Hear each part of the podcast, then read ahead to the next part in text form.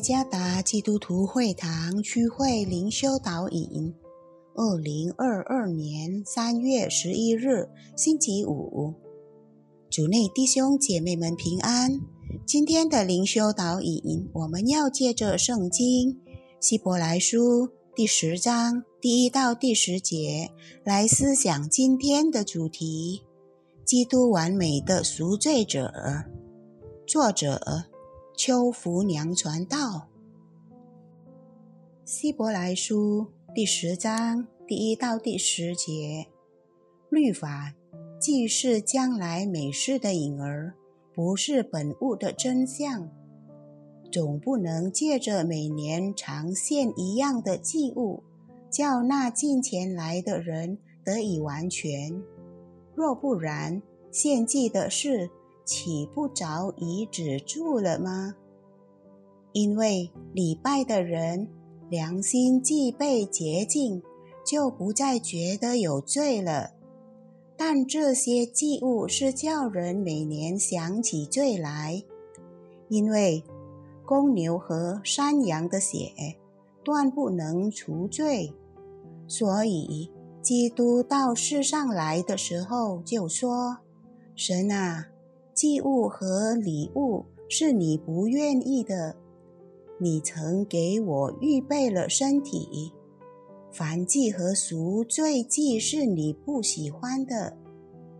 那时我说：“神啊，我来了，为要照你的旨意行。我的事在经卷上已经记载了。”以上说祭物和礼物。凡祭和赎罪祭是你不愿意的，也是你不喜欢的，这都是按着律法献的。后又说：“我来了，为要照你的旨意行。”可见他是除去在先的，为要立定在后的。我们凭这旨意，靠耶稣基督只一次献上他的身体。就得以成圣。我曾经和几位已信主多年的会友交谈，他们都积极参与侍奉，但是有关救恩的确定仍有疑虑。他们不能百分之百的确信主耶稣的牺牲能赦免他们的罪，因为对他们来说。这是太轻而易举了，没有多少人能正确的理解圣经中牺牲的概念。在旧约圣经中，用动物献祭的概念，是主耶稣将要在十字架上所行的事的形象或象征。第一节。